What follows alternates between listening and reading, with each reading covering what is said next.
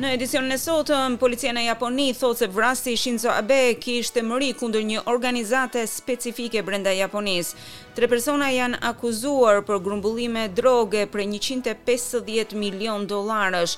Dhe Nick Kyrgios thotë se yjet e tenisit tani kanë një obsesion të sëmurë për ta mundur.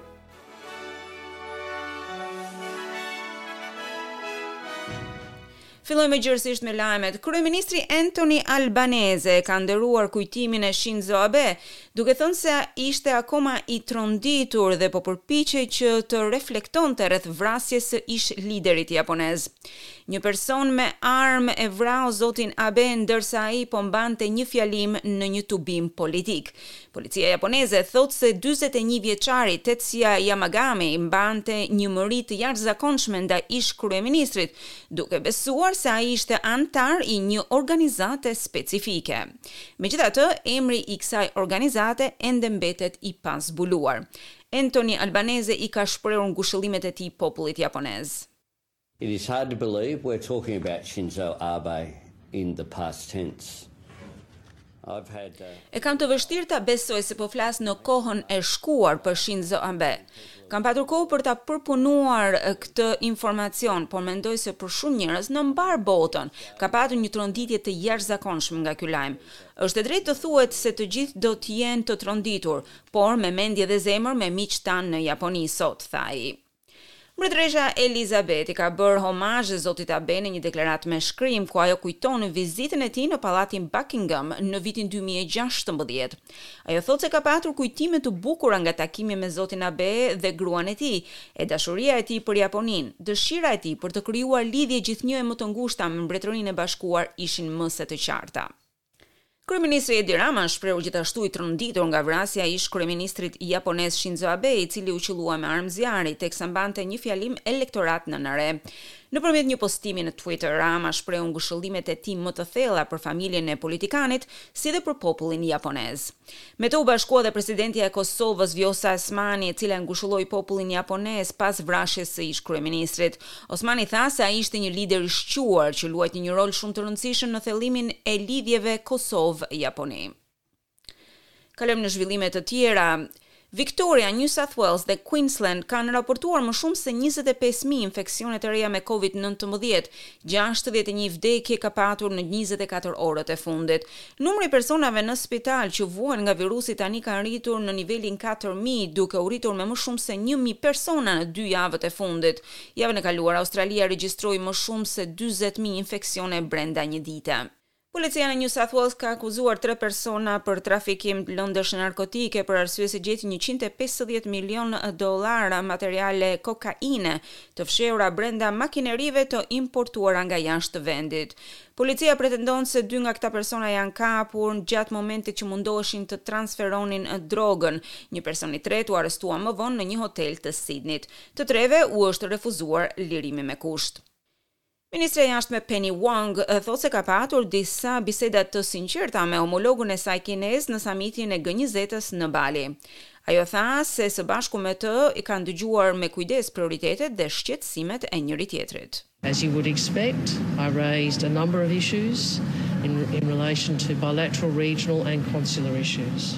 Siç mund ta prisni, kam ngritur një sërë çështjesh në lidhje me çështjet dypalëshe, rajonale dhe konsullore. Australia dhe Kina kanë fituar shumë pak për shkak të fuqisë së lidhjeve tona ekonomike dhe marrëdhënieve me njëri-tjetrin.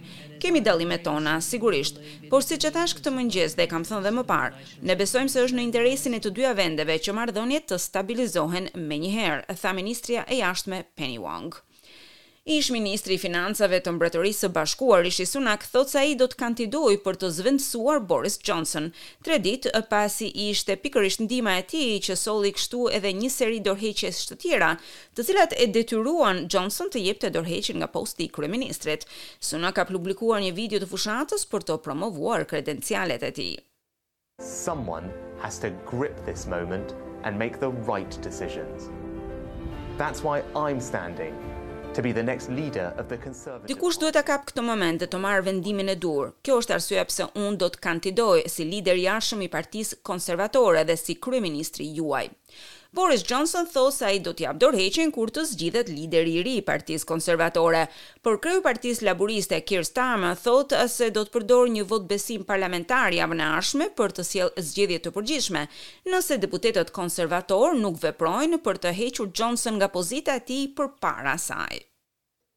This is a very good week for the Labour Party and my challenge to the Tories is not who is your next leader going to be but give us the change we really need. Let's have a general election. Kjo është një javë shumë e favorshme për Partinë Laburiste.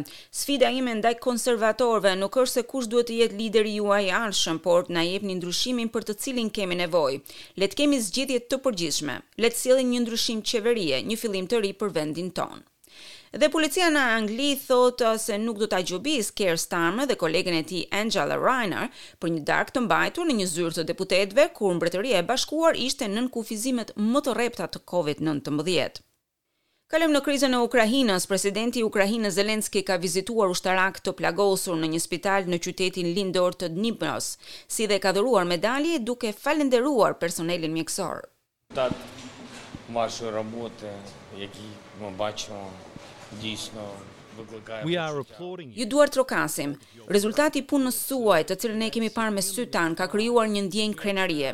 Jemi krenarë që kemi mes nesh njerëz kaq të mrekullueshëm.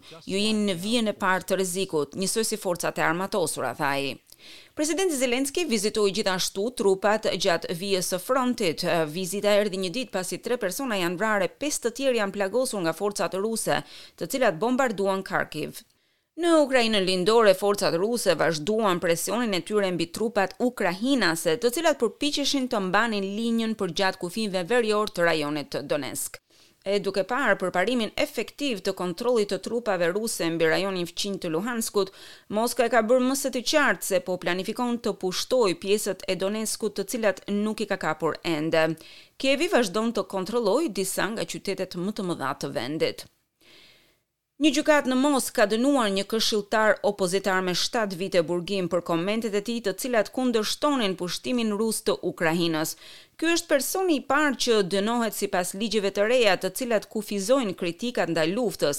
Alexei Gorinov u arrestua në prill me akuzën e përhapjes së informacioneve të rreme me vetëdije për ushtrinë ruse. Arresti i tij erdhi pas një takimi në mars ku ai sugjeroi se ishte e papërshtatshme të mbahej një konkurs arti për fëmijë, ndërkohë që në Ukrainë fëmijët po vdisnin çdo ditë.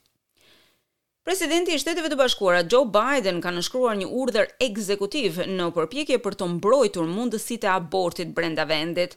Ai udhëzoi të gjitha departamentet qeveritare që të shtyjnë përpjekjet për të kufizuar aksesin në ilaçe për abortin ose për të udhëtuar përtej kufijve shtetërorë për të marrë shërbimet e nevojshme të abortit. Sekretarja e shtypit e Shtëpisë së Bardhë, Karine Jean-Pierre, thotë se është e vetmja mënyrë për të adresuar siç duhet këtë çështje në kutinë e votimit në zgjedhjet e afatmesme të nëntorit. The way to to um to really address this is for people to make sure that their voices are heard at the ballot box. Mënyra më e mirë për ta zgjidhur me të vërtetë këtë çështje është që njerëzit të sigurohen që zëri i tyre të dëgjohet në kutinë e votimit.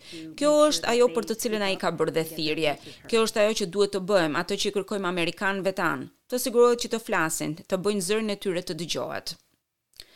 Twitter ka thënë se do të ndërmarrë veprime ligjore kundër Elon Musk, pasi Musk njoftoi se e ka ndërprerë procesin e blerjes së kësaj platforme sociale. Musk kishte bërë një ofertë për të blerë platformën e mediave sociale për një shumë prej gjashtëdhjetë e katër miliardë dollarësh, por i ka shkruar Twitter për t'i thënë se po i jep fund ofertës. Kjo për arsye se Twitter nuk ka dhënë asnjë informacion në lidhje me llogaritë rreme apo spam. Drejtori i Twitter, Bret Taylor thotë se Twitter do të ndërmarrë veprimet e nevojshme ligjore për t'u siguruar që marrëveshja e shitblerjes të vazhdojë. Policia në kryeqytetin e Sri Lankës, Colombo ka vendosur një shtetrrethim pasi qëlloi me gaz lotsjellës protestuesit studentorë përpara një tubimi të planifikuar. Vendi po përballet me krizën e tij më të rëndë ekonomike në shtatë dekadat e fundit. Kriza ka sjellë mungesa të këmbimit valutor, që e ka bërë atë të përpiqet të paguajë për importet thelbësore të karburantit, ushqimit dhe medikamenteve. Njëzet e dy milionë banorët e kësaj zone kanë duruar një inflacion rekord, zhvlerësim të monedhës, si dhe ndërprerje të vazhdueshme të energjisë elektrike. Një shpërthim në qytetin gjerman Hemer ka shkaktuar shëmbjen e një pallati duke lënë të plagosur rëndë tre persona. Disa persona të tjerë kanë pësuar plagë të lehta, ndërkohë që pesë persona rezultojnë të zhdukur. Shkaku i shpërthimit është ende i paqartë.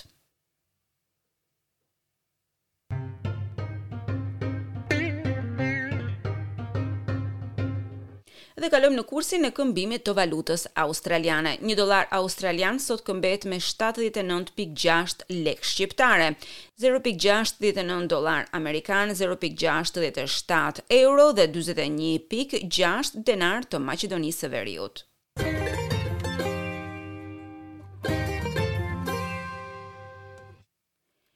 Kyrgios thotë se të gjithë yjet e tenisit kanë për qëllim që ta rrëzojnë në reputacion dhe në forcë. Komentet e tij vijnë pasi kampioni i Wimbledon, Pat Cash e akuzoi Kyrgios se ka bërë hile në lojë duke abuzuar me kampionatin e këtij viti. Njëzet e shtatë vjeçari do të përballet me Novak Djokovic në finalen e kampionatit.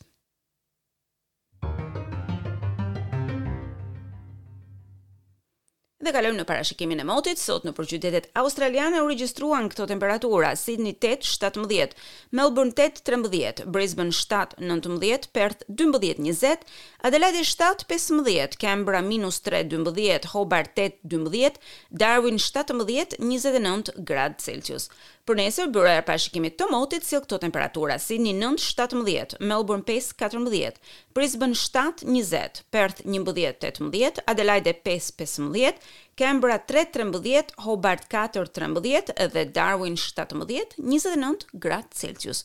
Kurse, nëpër qytetet e banuara nga shqiptarë, vera sjell këto temperatura, Tiranë gjashtëmbëdhjetë tridhjetë, Prishtinë njëmbëdhjetë shtatëmbëdhjetë, Shkup katërmbëdhjetë nëntëmbëdhjetë dhe Ulqin nëntëmbëdhjetë njëzet e shtatë gradë Celsius. Ndoqët edicionin informativ.